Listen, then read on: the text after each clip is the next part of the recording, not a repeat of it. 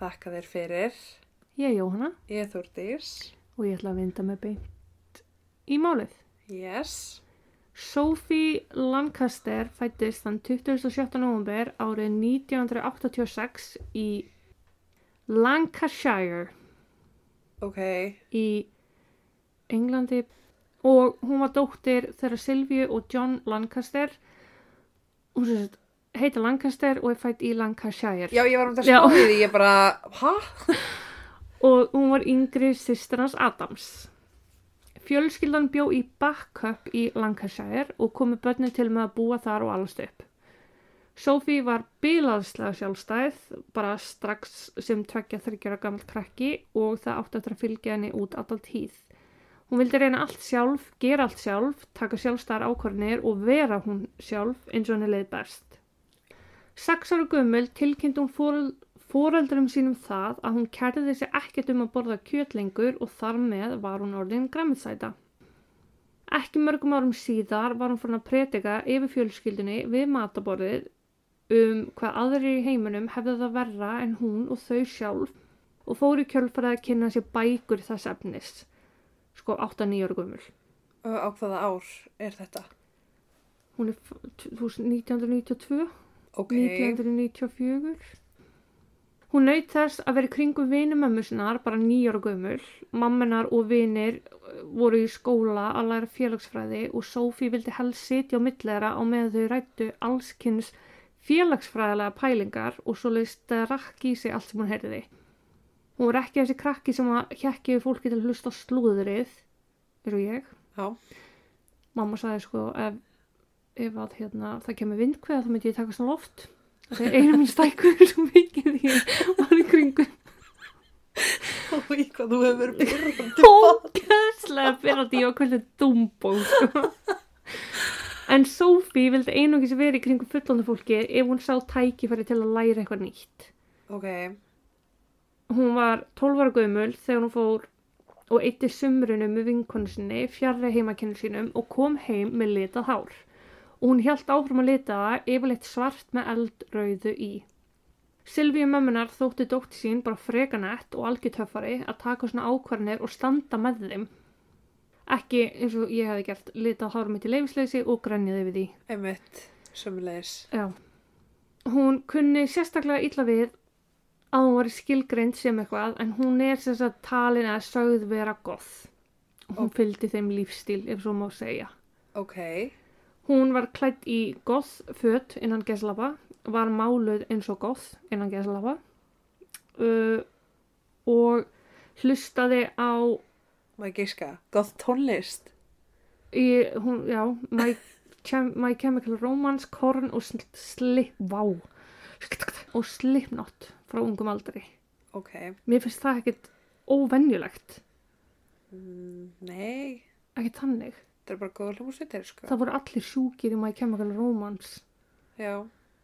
Voru ekki öll góð það einhverju tímpandi? Já, Ímú. Já, ég finn þeir done that. Ég held ég að vera allar útferslur af, Já, það held ég líka. já, Appisnugul þar á meðal. Ég þarf að setja mynd á Instagram. líka þegar ég var með rakún. Já. Ég var skingu ímó góðari. Já. Ég tók það ekki út. Það er svolítið munur á myndum af mér í nýjöndabæk og þér í nýjöndabæk. Jóhann uppkvitaði augabrúnir svona átjónara. Skammastu því? er það samt? Ég var 14 að 15 Ég hef litar vikulega síðan Við verðum að setja myndir á Instagram núna Ég get ekki svo mynd, sko. Það eru til ansi slæmar og því líka Mín kæra Á. En, En, já, við erum að tala um alvarlegt já, mál. en eins fáralegt og sorglegt það er Þá var Sophie dæmt bara út á útlitið eitt og sér Þegar leið á Sophie hefði ung farið að gata sig andlitskutt Já. og var með samtals 20 andlitskutt með þetta dökka mikla ábrendi make-up og svo hári sem var öll jafna svart og raukt og hún hefði fengið sér dretta Má fólk ekki bara gera það sem það vil bara gera? live your life þú veist, Einmitt. eins og um við erum að tala um í ásköldu þætturum ef þú ert ekki að gera neinum neitt og ert góðmanniska Kemur okkur ekki við hvað þú gerir. Já, einmitt. Það... Uh, Kennarar heldu að hún væri bara til vandra frá fyrsta degi og hreinlega vittlaus. Hún átti ekki marga vini og kunni ekkert sérstaklega við samnefndu sína og meiri sér að fóraldrarna heldu um tíma að hún væri að eiga við ykkur námsörðuleika en í raun var Sophie fyrir fyrsta frekar lokuð en hún var fáránlega klár sjúklega gáfuð og það kom síðar í ljós og hún var ekki, ne- hún var ekki með neitt annað en frábæra einhvernir og skrifaði eins og hún hefði aldrei gert neitt annað bara eins og mentaði rithöfundur já, þú veist, hún var bara fáránlega klár hún átti bara lítið sameigilegt með sínu skólafélögum þú veist, hennar áhugamál voru að skrifa enskar bókmentir já. þú veist, heimsvandamál og annað sem að aðri krakkar voru kannski ekki að pæla í Nei, þú veist, hún hefði bara leitað út á önnu mið til að eignast vini og í þeim vinahóp bara blómstra hún já, hún útskrifaðist úr mentaskóla með næst hæðstu einhvern sem hún segir bara hálfa söguna ok. og þegar hún er 17 ára þá kynnist hún fyrstu ástinni sinni engum öðrum en honum Robert Maltby hann var ári eldri en hún og þau höfðu smullið eins og skot þau kynntust Árið síðar voru þau flutt inn saman og hlökkuðu til alls sem var framöndan. Þau voru með nákvæmlega suma áhugamál og undirstaða sambandsins var svo bara falleg vináta. Já, Þú veist, þau voru í grunin bara bestu vinir og það eru bestu sambundin. æ, já, Þau voru svolítið sér á báti ásamt sínu vinum í heimabæðara og vöktu þau aðtigli í raun og verk hvar sem þau koma að. já, Mamma Sofía hafði tekið eftir þessu þegar hún var vappi með þeim en henni fannst ofta tíðum þau frekar fá neikvað aðtigli heldur en jákvað aðtigli. Krakkar áttu þau til að benda, eldra fólk andverpaði og dæsti þegar pari gekk framhjá uh, sumur fyssuðu og sveigiðu og aðrir kölluðu bara alls kynns fúlirðum. Þau letu þetta lítið á sig fá en það voru þau bara ógæðslega hamingisum, nákvæmlega eins og þau voru. Þau vissu líka sjálf að þau væru bara betri einstaklingar en þeir sem að dæmdi þau og höfðu það alltaf hugfast að dæma aldrei aðra saman hvernig stíl það aðhildist.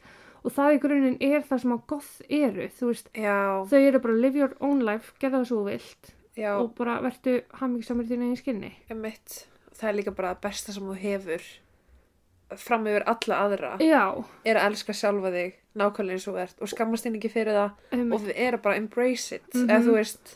og ofan í það að vera bara fordómulegs, þá Já, ertu ég bara vil líka- topp típa af manneski, sko. Þú veist, ég hef aldrei tekið eftir því eins og þegar ég var í Flensborg, Já, gotthararnir, þú Mhm. veist, sem að sátu hann á sófanum. En þú veist, ég hef aldrei tekið eftir þeim vera eitthvað að gaggrína mig þegar Eða ég lappa hlæja- fram hjá. Nákvæmlega, Þú veist, af því ég hlýt að vera öðruvísi fyrir þeim, ah. akkurat. fattar þau? En svo er líka það að það er- var einmitt oft talað um gotharana í sófanum, Já, en af hverju var ekki talað um okkur stelpunirinn á baðherbyggi? já, Þú veist, það er ekkert öðru í sig annað en að þau litu bara meira ábyrjandi út en við í eflast buksunum okkar og aðfæðspeysunum. Karhans Bugson líka, sko. Já, já, einmitt. þú veist, það er engin það eru bara vinahópar flokka saman og það er bara eðlilegt en Já. það er bara bent á þá sem eru út úr norminu Já, eða þú veist, það sem er Sem að er- samfélagslega normið já, það er bara, sem við rýrhjaldum í til dæmis já. þú veist, að vera bara eins og venjulegar og við gátum, eða þú veist, innan ekki að slappa Og fyrir öðrum vorum við ekkert venjulega, Nei. við vorum fárónlega skrýtnar, sko. Já, En þú veist, þetta er, já, maður, þetta er samt maður spyrjalega, þú veist, akkur, og ég vona í dag að þetta sé bara breytt. ég held að með næstu kynnslóð að allt svona verði eitt ég virkilega vona Já, ég er sammála. Árið 2007 eru Sophie og Robert búin að vera saman í rúm þrjú ár, sterkari sem aldrei fyrr og bara ógeðslega hamingisum. Þau eru tvítug, þau eru svífandi bleik ský Æi. allan daginn alltaf. Sophie hefði tekið sér ársfrí frá námi sem hún var í en hún hefði, hún hafði verið að sækja sér réttindi til að fara sér í háskóla sem hann langaði í. Þetta er þess að kerfi eins og bara eins konar brú sem að virka þannig að viðkomandi þarf að vera með þrjá ákvæmna áfanga til að komast inn í X skóla. Ok, Þú veist, í hennar tilfelli þá vildi hún komast í skóla, mjög góðan skóla sem að þar sem hún gæti lært ensku og reitlist og annað þannig að hún þurfti X áfanga til þess að komast í þann skóla. já, alveg já, eins og já, þú myndir þetta er útskrast með grunnnám. Já, alveg eins og þú myndir útskrast að félagsverðarbraut og þið myndi allt í henni langi í verkfræði þá þarf að taka raunfræði Já. áfanga til að komast inn í verkfræði þannig að það er sem sagt það sem hún var að gera lungsa stutt bara takk fyrir þessa óumbenni sögu Jóna tjók Ugh. Robert vann í tveimu vinnum í eldhúsi og í fyrirtæki sem að framleiti rúm og þau voru bara á grænni grein. Þau þjönuðu ágætlega, allt gekk vel, þau voru ánægð með allt og alla.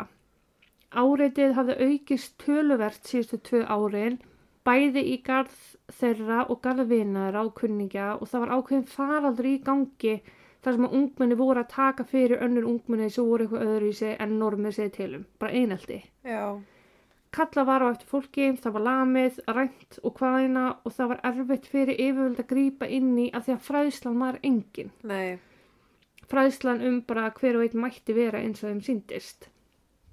En þann 10. ágúst fer kærustuparið til vinum síns, Jonathan Smethurst. ok Þegar leið á kvöldið ákvaðu Sophie og Robert að fara bara að koma sér heim þar sem að þau væru fótgangandi. Þannig að rétt fyrir miðinætti ganga þau á stað. Vegalengdin frá Jonathan og heim til þeirra voru rúmir 3 kilometrar, svo framundan var kannski 30-40 mínúna lapp. Mm. En þetta var allan að lapp sem að þau íðurlega notu til að spjalla um heima og geima, þannig að þau nutaðist bara að lappa saman. já, Á leiðsinni heim ákveða þau að stoppa á bensinstöð. Þau voru að verða sígarettlaus. Ekki það skipti málun neinum máli, en þau reyktu. já, Þau ganga inn á bensinstöðuna og kaupa sígarettunar og rekast á úlinga sem voru aldrei slíku vant að dást að því hvernig þau leitt út. Bara að dást að útlitið þeirra. ok Sophie var með öll gutin og ábrenda hárið í leðujakka sem að náðinni nánast niður að hæla. það er þá smá faith in humanity eftir Já, og Róbert var líka með andlitskutt, greitti hárið sitt sleikt aftur og var málaður. Þetta fannst unlingunum bara frekar nett og gefa sér að tala við þau. Sophie og Róbert gefa sér tíma til að spjalla við þau og leifa þeim að taka myndir af sér og og bara allt voru krútlegt. ok, Þau- af hverju samt að taka myndir Þarna er náttúrulega MySpace og allt þetta í gangi. ég veit það en þú veist, þetta er bara fólk er að byrja í búð eða skilur Já, þú veist, þau, þetta er ekkert eitthvað þetta voru svona bara einhverju úlingarskilu, það getur verið 13, 14. já, ára krakka ok sem var bara En þú fyrir veist, nett já, ok úti með bleiku myndalinn sína já, tengi mín rappur svona gull að það Já. mjög bleik vasselt en þau kveður svo bara og halda áfram leiðsinni heim og nú er klukkan eftir miðnætti og því komin 11. ágúst þau ganga í gegnum Stubbly Park garð sem þau voru allveg að ganga í gegnum þar er hjólabrættagarður, bekkir og hvaðina og yfirleitt alltaf mjög mikið líf í garðinum seint á kvöldin mikið af krökkum og stjá og svona Og það gefur sér einhverju krakkar á tal við þau aftur, sníkið um sígrættur sem að parið sína bara þólumæði fyrir og spjalla við þau áfram. Sophie og Robert og hópur þessa úlinga er að labba bara róla í gegnum garðin þegar skyndilega einn tekur sér til og lemur Robert í höfuðið. Gjörsamlega tilöfnislaust. ok, af hverju? Ha- Djók. Það hefði ekki neitt komið upp á, upp úr þurru er að bara lamin í höfuðið. Ekki það ég svaraði spurningunni. Áður en nokkur veit af eru þeir orðnir fimm talsinn sem að eru á Róbert einum, lemja í hann, sparki í hann og ná honum niður í jörðina þar sem að Róbert heldur fyrir höfuðið sitt eins og hann getur þar til að missa meðvitund. Sophie er allan tíman búin að reyna að vera að grípa inn í en hún var sko 150 cm og rétt um 50 kg Já, og réð því ekki svo glatt við fimm gauðra nei, sem að allir eru styr, styrri og þængri stærri og þingri en hún hún greip því til ráða sinna og ákvað að henda sér yfir Róbert til að reyna að skýla honum eftir bestu getu hún greip utan um höfuð hans og passaði upp á hann þannig þannig að hún var bara í grúfu ofan á honum yfir höfuð á honum æ að reyna að passa að höfuð honum fengi ekki fleiri högg. En það stoppaði ekki fimmningana. Þeir hóist við að stappa ofan á Sophie, Ah, stappa ofan á búk hennar og höfuð, sparki hana og kvöttu hvern annan áfram með látum. Þessi hjaldi er áfram þar til Sophie var líka meðvitundarlaus. Þá hlupið þeir í bygtu. Robert hafði náð um 1.30 þegar árásinn var rétt byrjuð að ringja í vinsinn Jonathan sem þau höfðu verið hjá fyrir um kvöldið. Hann hafði svarað símanum en ekki heyrt neitt nema skruð og því skellt á. Jonathan sendi samt skilabóð á Robert sem hann fekk auðvitað ekkert svar við. Bara, hey, all good. Já, 40 mínum síðar eða um rúmlega tvö þessa nótt ringir svo sími Jonathans aftur og á línunni var ungu maður sem að segir Hæ, er þetta vini þínu hérna í garðinum sem að líta út fyrir að vera dáin? Það þurfti ekki meira til fyrir Jonathan að bókstala taka á rás og hann hljóp sprettlup í garðin. var hringt sérst úr símur um hans Róbert. Ég, ég veit ekki, hann tala bara um að hafa fengið símtal en hann var einn af þessum gothrum Já, og hvort að það hafi bara, já, ringi mig hinn gothran. Þú já, er veist, þetta vinnu já. þinn? Já, ok. Þar tóku mótunum bláljós lið lauruglumanna og sjúkraflutningumanna sem vildu lítið upplýsa um málið. Einhver 15 ára úlingur hafði hringt í neyðalínuna fyrir um nóttina eftir að hann var vitni að atbyrjum kvöldsins. En þegar að Jonathan hafði náð að gera lauruglu ljóst að hann teldi sér trú um það að þetta hefði verið vinir hans sem hefði orðið fyrir einhvers konar árás, þá var hann byggðin um að fylgja lauruglu á spítala til að bera kennsla á einstaklingina. Oh. Lauruglan nýr sjúkraflutningamenn höfðu getað sagt til um hvers kyns einstaklingarnir voru í fyrstu og því ljóst að til þyrti einhverja aðstóð til að ein- auðkenna þau. Af því að náttúrulega þegar þau komu upp á spítala bara ok, hvern maður kall maður, en hvað meir? Hvernig Já. lítið það út? Voru þið bara það illa barinn? Já. Jonathan var komin upp á Rochdale spítala hálfjör um nóttina og fekk að sjá Robert. Hann staðfesti að jú vissulega væri um að ræða Robert. Skrítið samt að hann hafi fengið að sjá hann ef hann var svona illa lamin. Já, Ok. Robert var með mikla blæðinguna heila og hún var haldið súvandi til að reyna bjargunum. Hann var á lífi. Þess vegna fekk hann að sjá hann. ah, ok. Make Mhm. a sense. Ertu að fara að segja mér að Sophie bjargaði honum? Hættu í mér. Hann var eins og lögreglan hafði talað um nánast óþekkjanlegur. Þegar Jonathan bað um að fá að sjá hinn einstaklingin var hann um neitað en þegar hann gekk fram í herbygginu sem var verið að sinna Sophie í, fór ekkert um eitthvað mála að um hana var að ræða. Hann sá svarta og rauða hára hennar sem voru drettar Oh. og var bara ok, þetta er Sophie nokkuð ljós var að parið þyrfti meira aðstóð en þessi spítali gætt veitt þetta var alveg bara hilsugjasla þú veist, Já. þannig að séð og var Robert í fluttur á North Manchester spítalan á meðan Sophie var flutt á Fairfield spítalan þegar að Sophie var komin þanga var starfsmunum þar ljóst að þeir getur lítið gert fyrir hana og því var hún enn og aftur flutt og flutt á Hope Hospital eða Hope Spítalan og þar á taugadeild þar sem að taugalæknar, taugalæknar gátu séð um hana. Ok, var hann þess bara brain dead eða af hverju vildu þeir ekki reyna sinninni á einhvern hátt? Þeir bara þetta var ómikið, það var bara ómikið af hérna Áverkum, höfðu áverkum. allstaðan, já. og þetta, þarna voru þau bara ok, ef það er einhvað að fara að koma óvænt upp á þá getum við ekkert í því gert þannig við skulum frekar bara senda hana strax á viðeigandi stofnun Já, Þú með veist, það betri sem að- sérfræðingum já. sem að gátu, já, bara á taugadeild þar sem þetta er bara aðtjóða Heilinn, hvort að, já. já. Þegar leiðundi morgun hafði lauruglan reynd að banka upp á heima hjá móður Sophie. Hún hafði rétt skropp út í búð og hafði því ekki verið heima þegar lauruglan bar að. En þegar hún kom upp á útudurhurðinu sinni beigð henni miði sem ástóð að hún ætti að hafa samband við lauruglu eins og skot sem og hún gerði. Miði, Mm er þetta tímanum sem að voru ekki, Þetta er 2007 miði? en þetta er óbúslega lítið samfélag. Ok, en mér finnst samt, þú átt að, þú veist, fara með lauruglu og prest og tilkynna, þú veist, um að svona slis hafi gerst, mm -hmm. Mhm. þetta er alveg alveglegt slis. Í staðan fyrir að skilja eftir eitthvað skitin miða, hæ, hringdi í laurugluna, hvað er lauruglan? Já, og hún líka ringir í laurugluna og fær upplýsingarnar um dótt sína og er bara beðin um að koma sér þið snarasta upp á spítala og það sem hún tók á mótinni var sjón sem að ekkert fóreldri á að þurfa að upplifa og enginn almennt á að þurfa að upplifa slíka áverkaða árás eins og Sophie gerði. Hún, Sophie var án þess að geta orðað neitt betur, gjössamlega óþekkjanleg. Hún var með skófur út um allt andlit, eirun á henni voru eins og maður sér á atvinnu bóksurum, Oh, svona útblásin, svo bólgin gjössalega springa af bólgu. Svona eins og eyrun á þér þegar þú varst að hlusta með mig hérna. Já. Fýblið.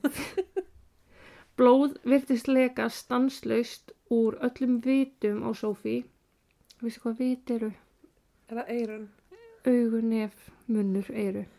Allar hólur. Gött. Háls, Vit. Já, Eins og skinnfæri. já. Ok. Hálsin á henni var allir bólgin, svartur af mari og sama átti við um höfuð á henni og andlit. Búið var að rífa bókstála búta úr hásvörunum á henni sem erfitt var að eiga við. Uh, En góðu fréttunar voru þó þær að hvorki Rob nýja Sophie voru í lífsættu. ha?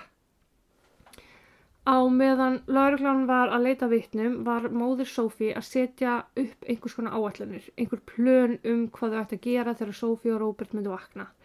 En Silvía mammina vildi að þau færu í skólana til að tala um að fólk mætti vera öðru í sig, bara að fólk mætti vera eins og það ætti að, þú vildi vera, Já. þannig að svona myndi ekki koma upp á, þú veist það ætti bara að fá að vera í friði Mm -hmm.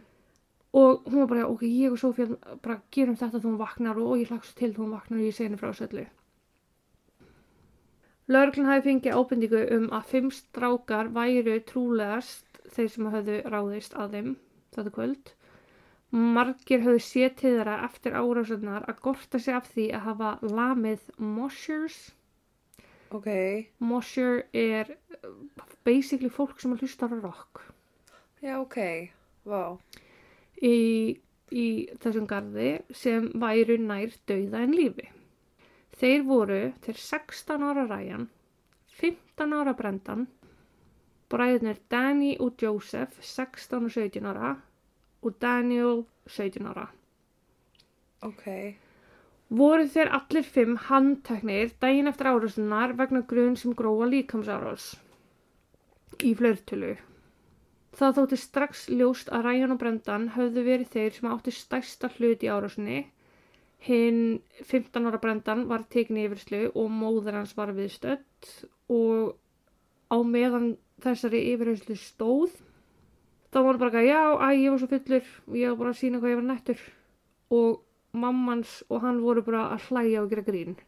Mamman slíka. Já, bara haha, þú veist þau ættu bara fucking mushers áttu það skilið. Uh, seldan fellur epli langt frá eiginni. Nákvæmlega. Og það endaði með því að lögreglutjóðin var bara fyrir ekki að gera ykkur grein fyrir alvarleika málsins hérna. Og mamma var bara, hvað meinar þau? Þú veist, það er ekki að þeim, það er að Já. lægja með þau. Uh, Eh, Róbert var að ná góðum bata þó að hann var að haldi sofandi. Sophie hins vegar var ekki að ná eins góðum bata. Móðurinnar var svo ógeðslega reið fyrir höndóttir sinnar og tengdarsonar að hún tók mynd af henni á gjörgæsludeildinni og byrti á netinu. ég sé þú heldur á símaninu. Mér langar ekki að sjá hana. Myndin sem ég sýndi er áðan. Þetta er ekkert saman manneska sko, Mm. þú veist. Oh my god, hvað hann er bólkin. Og þarna er einhver tími liðin skilur Já, og bólgan alltaf, að hérna og Mari kom betur fram og svona já. og þetta er hann Oh, elsku börnin. en mömmuna langaði bara að hafa hátt hana langaði að vekja aðtigli á örlöfum dóttisina fyrir það eitt að hafa leikt sér að vera hún sjálf þannig hún var bara ok, þú veist það vill ekki hlusta, viljið þið sjá Oh, þú veist, þetta er staðan þetta er það sem er að gerast í samfélagin að þetta var búið að vera faraldur svo lengi það var, þú veist, fólk af öðrum uppruna já, var búið að vera tekið fyrir. Einstaklingar sem voru með fatlanir, þeir voru teknir fyrir. uh, Öðrum húðlit, allt, bara það voru allir sem voru einhvað öðru í sig en heið, það sem þau töldu ákveðu að væri normið, voru bara teknir fyrir, landir, rændir, hvað þeina. En Sophie var að hraka fremur hratt og að viku liðinni þegar Robert var- var vakinn þá var að verða nokkuð ljóst að Sophie væri trúlegast ekki að fara að vakna eins spræk og Robert hafi gert. Oh. Robert vaknaði og hann var bara ok, það klálaði eitthvað minnisleysi hérna, andlega hliði minn er í rúst en Já. að öðru leiti er í góður. En þann 22. ágúst var orðið ljóst að Sophie væri bara alls ekki að fara að ná sér upp úr þessu og var því fjölskyldan hennar fengin á fund með læknum þar sem að þeim var tilkynnt það að staðan væri nú þannig að heila starfsemi Sophie væri engin Oh, og nú þyrfti fjölskyldan að taka ákvörun. Þú veist, ákvörun var svo sem ekki þeirra, líf Sophie var búið saman hvort þeim líkaði betra að verð. Þannig að það var ákveðið að taka Sophie úr öllum tækjum og tólum sem hefði haldið lífun í henni. Bara tækjunum sem hefði haldið hjartan gangandi, lungunum gangandi, líffarnum gangandi. mm. Rob hafði verið vakandi í örfá daga þegar hún langaði hinnlega að fara aftur í sömu stöðu og hann hafði verið í. Æi, Hann vaknaði úr dái til þess eins að kveðja kæristinu sína, fyrst ástinu sína og þann 24. ágúst var Sophie færð úr öllum tækjum. Hún lést stuttu síðar í faðmi fjölskyldunum sinnar og kærasta, ekkert kvalinn og mikill friður var yfir henni. 20 ára gömul. oh, Því voru grófu líkamsárásar ákjörnar orðnar af morð ákjærum og allir ungu drenginir ákjærðir þann 7. september fyrir nákvæmlega það. Þar til að annað myndi komið ljós af því að rannsókn á málunni var að Já. það gangi. en þeir voru samt búin að viðkenna að þeir gerðu það. Þeir voru, já, þeir eru búin að viðkynna að þeir hefðu ráðist á þau. Já, Ryan og Brendan þessi tvei sem að voru sagðir vera fórsprakkandir voru þeir einu sem var haldið í gestabaraldi á meðan hinir þrýr gengu lausir gegn tryggingu þar sem það þótti ljóst að Ryan og Brendan hefðu verið þeir sem að komu hvað mest ára já, og á meðan lögreglan grúskaði í rannsókn málsins var, voru fjölskylda og kærist Sophie að skipuleggja jörðafyrin hennar en ekki bara það. Þeir voru líka stopna til samtaka sem að stóðu fyrir því að fræða ætti skólana í umkörinu. Fjölskyldan vildi að henni erið ekki minnst í þögn, heldur háa það. Þau vildi ekki mínútu þögn, henni til minningar. nei, Þau vildu að fólk hefði hátt fyrir hana, hefði hátt um ofbeldíkar þeirra sem væru öðruvísi. Silvía, mamma Sophie hefði komast að því eftir andladóttir sinnar að Sophie hefði orðið fyrir líkamsárás í þrýgang áður en aldrei sagt neina frá því. Hún hefði sérst verið lamin þrýsvarsum áður oh, og þetta gerðist og bara falið það rosalega vel. Jarða fyrir Sophie var haldinn þann 12. november og var hún jörðið í Whitworth, bæ sem hún elskaði að labbi. Hún fór alltaf þangað til þess að hugsa og labba og Já, bara þetta var svona í sveit, eða þú veist, út úr bænum. já, 300 manns mættu við jarðaföruna og þar á meðal var Róbert sem að gata ekki annað gert en setið og starað á kistu kæristinu sinnar og velti fyrir sér hvernig í ósköpunum er allt hennar líf í þessari pínu litlu kistu. oh, Svo oh my god. og pyrraði sig á því að allt þetta fólk sem hann vissi að meinti rosa vel væri viðstatt í jarðafruna en hvort að einhver af þeim hefði vitað uppáls litinunnar hvort að einhver hefði drukkið með henni kaffi hvernig hún vildi kaffi sitt hvað var uppáls maturnannar bara hvort þau yfir höfuð hefði þekkt hana Allt í henni koma allir og eru bestu vinnir eitthvað sem hann lætur lífið. Já, þegar þú getur ekki svona sagt viðkomandi frá því sem þú kemur til með að segja í jarðafrunni Mm hvar var þetta fólk þegar að hún raunverulega þurfti Já, aðstæðan aðskilur. einmitt. En fjöldi manns heimsóttu leiðið hennar Sophie vikunar eftir og bara að gera enn. Og móður hennar var alveg brjálið fyrstu vikunar vegna þess að hún kom endur tekið að leiði dóttisinnar út atað í hálfreiktum síkartum og hálfum bjórum Oh, og fannst þetta argasta vannviting. var fólk bara að skemmta sér þarna? Nei, eða þar til hún komst að því að vinir hennar voru að þessu til að skilja afgangin eftir fyrir Sophie. Deila með Æ. Sophie einum bjóru og einni síkó. Ó, Uh, ok, það er endar, ó, það er alltaf Já. krútlegt, það er max krútlegt, sko. Jésús. Má hvað ég fór úr, ói, yfir, já. Já, nákvæmlega, þetta er svona sama Á aðtöngir. segundu broti, sko. Oh, Á legstinni Sophie stendur I'm smarter, I'm daintier and better dressed sem var úr lægi uppáhalds hljómsveitar hennar sem var Rasputina. fyrir ekki. Rasputina. Ok, En þann 10. mars árið 2008 var málið tekið fyrir. Réttarhöldin sneri í raun bara um eitt hlut en bræðinu Jósef og Dani og svo Já. Daniel voru ákjærðir fyrir grófa líkamsárás í Garð Roberts ok, á meðan Ryan og Brendan voru ákjærðir fyrir morðið á Sophie. ok, en vo, voru þeir ekki ákjörður fyrir tilrænti mandaráps frekar en líkamsárás? Uh, nei, þetta var Grievous Bodily Harm with Attempt. Já, Þess að það var ásetningur á baku þetta en en já, En- alltaf rétt að kerfi er öðru í súti. já og mjög flókið Já. réttakerfi í Breitlandi. Ég bara, ég þakka Guði fyrir að vera á Íslandi í Á, lögfræði. vá. En sem sagt, Ryan játaði sagt sína en Brendan neytaði sög. Þannig Hvað neyta hann þá að hafa verið hana eða neyta hann að hafa bara, snert hana? hann bara, mér finnst ekki sangjant að ég sé ákæri fyrir morð þegar hinn er fá hitt. Já, ok, þeirra sérst aflengar því sem þú gerir. Já, og þeir Ok. okay. sem sagt, allir játuðu þú sög við þetta grievous bodily harm with intent. Ok, Þú veist, þannig að Brendan var bara, jú, jú, ég gerði það að klála en ég drap hann ekki. já, en það er aflengar af því Já, nákvæmlega. er ég eitt... og réttaröldin sneru í raun bara um þessa neitun á sög hjá brendan af því allir hínu játaðu gjöru sinnar. Já, Ákjæruvaldið vildu bara meina það að Sophie og Robert hafi verið valin sérstaklega einungis út á útlutin sínu. þetta er bara hatursglæpur. Já, og þau hafði ekki sagt neitt eða gert neitt annað en að gefa þeim síkartur og voru drepin, eða sérst Sophie var Já, drepin og að þau hafi bara já because they looked and dressed differently en vörninn var bara að þeir þekktu ekki pappa sína og mæðutu þurft að flýja bæin og höfðu orðið fyrir svo miklu aðkasti og þeir eiga svo erfitt og þú veist Daniel bú fokkin hú. já, Daniel var svo eini sem hefði komið af góðu heimili sem að engin vandraði hefur verið á en Ryan, hann þekkti aldrei pappa sinn, hann vann með neða hann bjóð með systur sinni og mömmu sinni og mamman svar bara Já, gekk illa og þú veist, og hún ennþá daginn dag er bara mjög vissum það að sonunnar hafi ekki gert nokkuð skapaðan hlut þó að hann hafi játað það var Já. brendan sem hann neitaði það er alltaf svolítið auðvilt að skella skuldin yfir okkur annan. mjög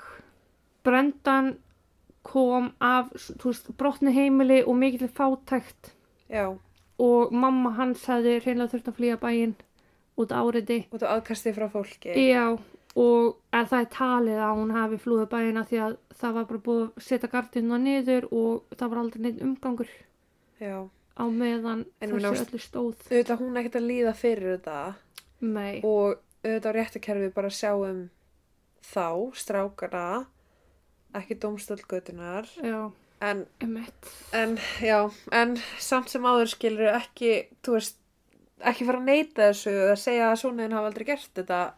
Nei. Joseph og Danny, bræðinir, þeir voru úr eitthvað svona vafasömu hverfi, hafði alltaf verið í eitthvað svona vafasömum Já, erindagjörðum og Jósef var kærður fyrir að ógna vittni á milli þess sem að Sophie deyr og réttaröldin er haldin ok, en það var mál sem var látið falla og já, þú veist Daniel var bara með toppfóldra, kom frá góðu heimili og hann bara verið vittlis í félagskap já, voru rauk hans. Varnarinnar, eða- já. já. En það var sagt að þeir væru í gengi. Það er sko, broti heimil er ekki samansammerki við, við of- ofbeldi og Nei, glæpi. alls ekki. Alls ekki, sko, þú getur komað að brotna heimili og Og Verið rústa skærasta lífinu, sko, stjarnan í heiminum, nákvæmlega. Þú veist, mér finnst annað hver bara flottasti artisti heimil sem vera, þú veist, kemur og brotna heimili. já, mér finnst þetta ekki eins og niður vera, þú veist, mér finnst svo fárulegt að vera að nota sem afsökun fyrir þinni hegðuna því að þú tekur ábyrgð á því sem þú gerir og þú, Já, og getur ímyndað líka ef að, þú veist, börnin gera eitthvað af sér og bara, mamma stóð sér svo ógeðslega illa, þetta er henn að kenna. emmett, Ég bara, já, og ég ekki bara koma með þér í gröfina já, félagi. þú veist, Nei, auðvitað ef að þú veist, shit happens, fátækt það gerist, það er umulegt það er glata, það er samt aðstæður sem er ekki beint að ráða við eins skot ef að, ef að börnum er veitt ofbeldin á heimili, það er náttúrulega allt annað já, en í þessu tilfelli það er verið að tala um brotin heimili þar sem að þú veist, fátækt og kannski ekki mikla ást að fá. já, ekki einu sem það, bara kannski ekki mikið mikil rútína Já, þú veist, reglur og annað En þetta gengi var kallað Backup Terror Group og þeir sko voru alltaf að spreyja takka með hérna Já, spreyi, spraybrúsa. eða- spreybrúsa, já Mm. takk, uh, change á alla veggi út um allt. Að þeir vildu að allir væru bara venjulegir en ekki öðruvísi og það var það sem þeir áttu við með þetta change. Við erum öll öðru, öðruvísi á einhvern hátt, sko. Mm Það eru allir öðruvísi fyrir mér sem er ekki eins og ég og ég er öðruvísi fyrir öllum sem ég er ekki eins og, Nákvæmlega. ok, já. Mér langar að taka þess að stráka húðfletta á Ángríns, flengja á. og fleika það. með spaða, Já. með kökukefli. Köfli. Ryan, hann var rappari í frítíma sínum og það var til vídeo á YouTube þar sem hann var syngjandi ógislega lög þar sem hann var að tala um að you mess with the GBH, you go down einhvern algjutappi Ok, hann var 16 ára mm. flottur.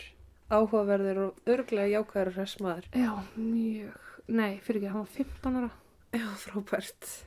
En þeir voru allan 27. apríl allir saman dæmdir sekir Ok, og þegar að dómarinn hvað upp dómsinn þá var hann bara þetta var hatusglæpur gegn svo saklausu fólki sem var bara targetað, sem var bara valið út frá því já. hvernig þau lit út Mm og hann sagði Sophie dó ekki út af kynþætt sínum trú eða, eða kynneið hún dó að því hún var goth Já, Þú það veist, út á útlitinu. út á útlið, út á fötunum sem hún var í m- make-upinu sem hún valdi sér sko. Oh, Daginn eftir að 28. apríl var svo dómsuppkvæðning já, og fyrir ára svona á Rob þá hlutu Joseph, Daniel og Danny Joseph, Danny og eh, Daniel þess að bræðirnir heita Joseph og Danny já, og svo er Daniel já, já, já.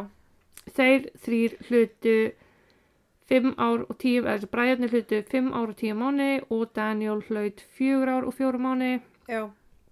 Ryan Herbert eh, 16 ár og 3 mánu og það var síðar hérna lækkað eitthvað Brendan fekk 18 ár Sæl. sem er bara held fínt Já. En var sérst munur á mandrapi og líkasárás tvö ár. Sérst hann fekk 18 ára meðan aðrir fengu, Nei, Ryan og Brendan voru báðir ákæðið fyrir morð já, Brian, nei, Fengu- Ryan og Brendan. Ryan fekk 16 ár, já, Brendan fekk 18 ár. já. Ryan var einu ári yngri en, Já, Brendan, það þannig að getur það hefur verið- verið, já, það er Já. komið sérst einhver að refsi, læk, málsbætur, Já. sökum aldurs, já, en bræðurnir, Joseph og Danny og Daniel eru náttúrulega allir komnir út úr fangilsi í dag og ég veit svo sem ekkert um þá og ég kynnti mér það heldur ekkert sérstaklega, ég kynnti mér miklu frekar starfið sem er búið að gera í kringum Sophie mhm, en Robert vildi ekki sjá það að vera í fjölmjölum eins og mamma Sophie kærastiði Sophie já, hann var bara nipp, ég ætla ekki að vera gaurinn sem að var lamin og kærasti mín dó nei, ægi, en hann kom í viðtali fyrir tíu árum eftir árásnar og hann segir að hann hefur aldrei séð þetta sem hatusglæpur þú veist, hann sagði það pyrra mér svo mikið að fólk segi að Sophie hafi verið drepin að því hún var goth nei, hún var drepin að því einhver annar að því þessi strákur var hálfvitar ok, Þú veist, það var ástæðan fyrir því hún var drepin ekki að því hún var goth, ekki tengja það á milli og hún setja ykkur í hættu já, þú já, auðvitað, og hann sagði af hverju getum við ekki spurt hvað er að þeim sem að drapa einhvern frekar en að spyrja hvað gerði sá sem var drepin já, það er uh, þetta mjög ri- góður og valid punktur, já, og hann sagði bara að það var ógeðslega hallarislegt að segja að morðingja kærusnars hafi verið tryggeraðir bara út á útlutin hennar já, það var ekkert málið þú veist, hann segir þú veist, hvernig umhverfið er í þessum bæ, þetta er bara það er mikil fátækt fólk gleymist, krakkar gleymast og þetta bara, þetta bara gerist þú veist, þeir voru fórtalömp líka já, segir hann tíu árum setna væntalega búin að ná að vinna mjög mikið úr já, öllu saman. áfallinu, já, en Robert sagði líka að hann hefði fengið bref frá einum sem var á bakvið slá sem var bara fyrirgeðu en hún er leiðis að þetta væri afsökunarbref þannig að hann fengi refsilækkun af því að það væri að koma að áfríun já, já, en mammenar stopnaði Sophie Lancaster Founda- Foundation til að þú veist, ég veit ekki to create respect for subcultures fyrir mismunandi menningrætti, Já, þú veist, til þess að hvita til fræðslu fyrir mismunandi menningar, þú veist, já, fyrir mismunandi, og bara mismunandi uppeldi og Já. mismunandi, bara mismunandi aðstæður hjá fólki, mhm. En hún vonar bara að þett, þessi samtök komi til með að hjálpa að veita skólum fræðslu og annað til þess að komi vekk fyrir hatisklapi af þessum Mm. toga. Sophie hafði alltaf verið bara ekki taka myndar af mér. Please ekki taka myndar af mér.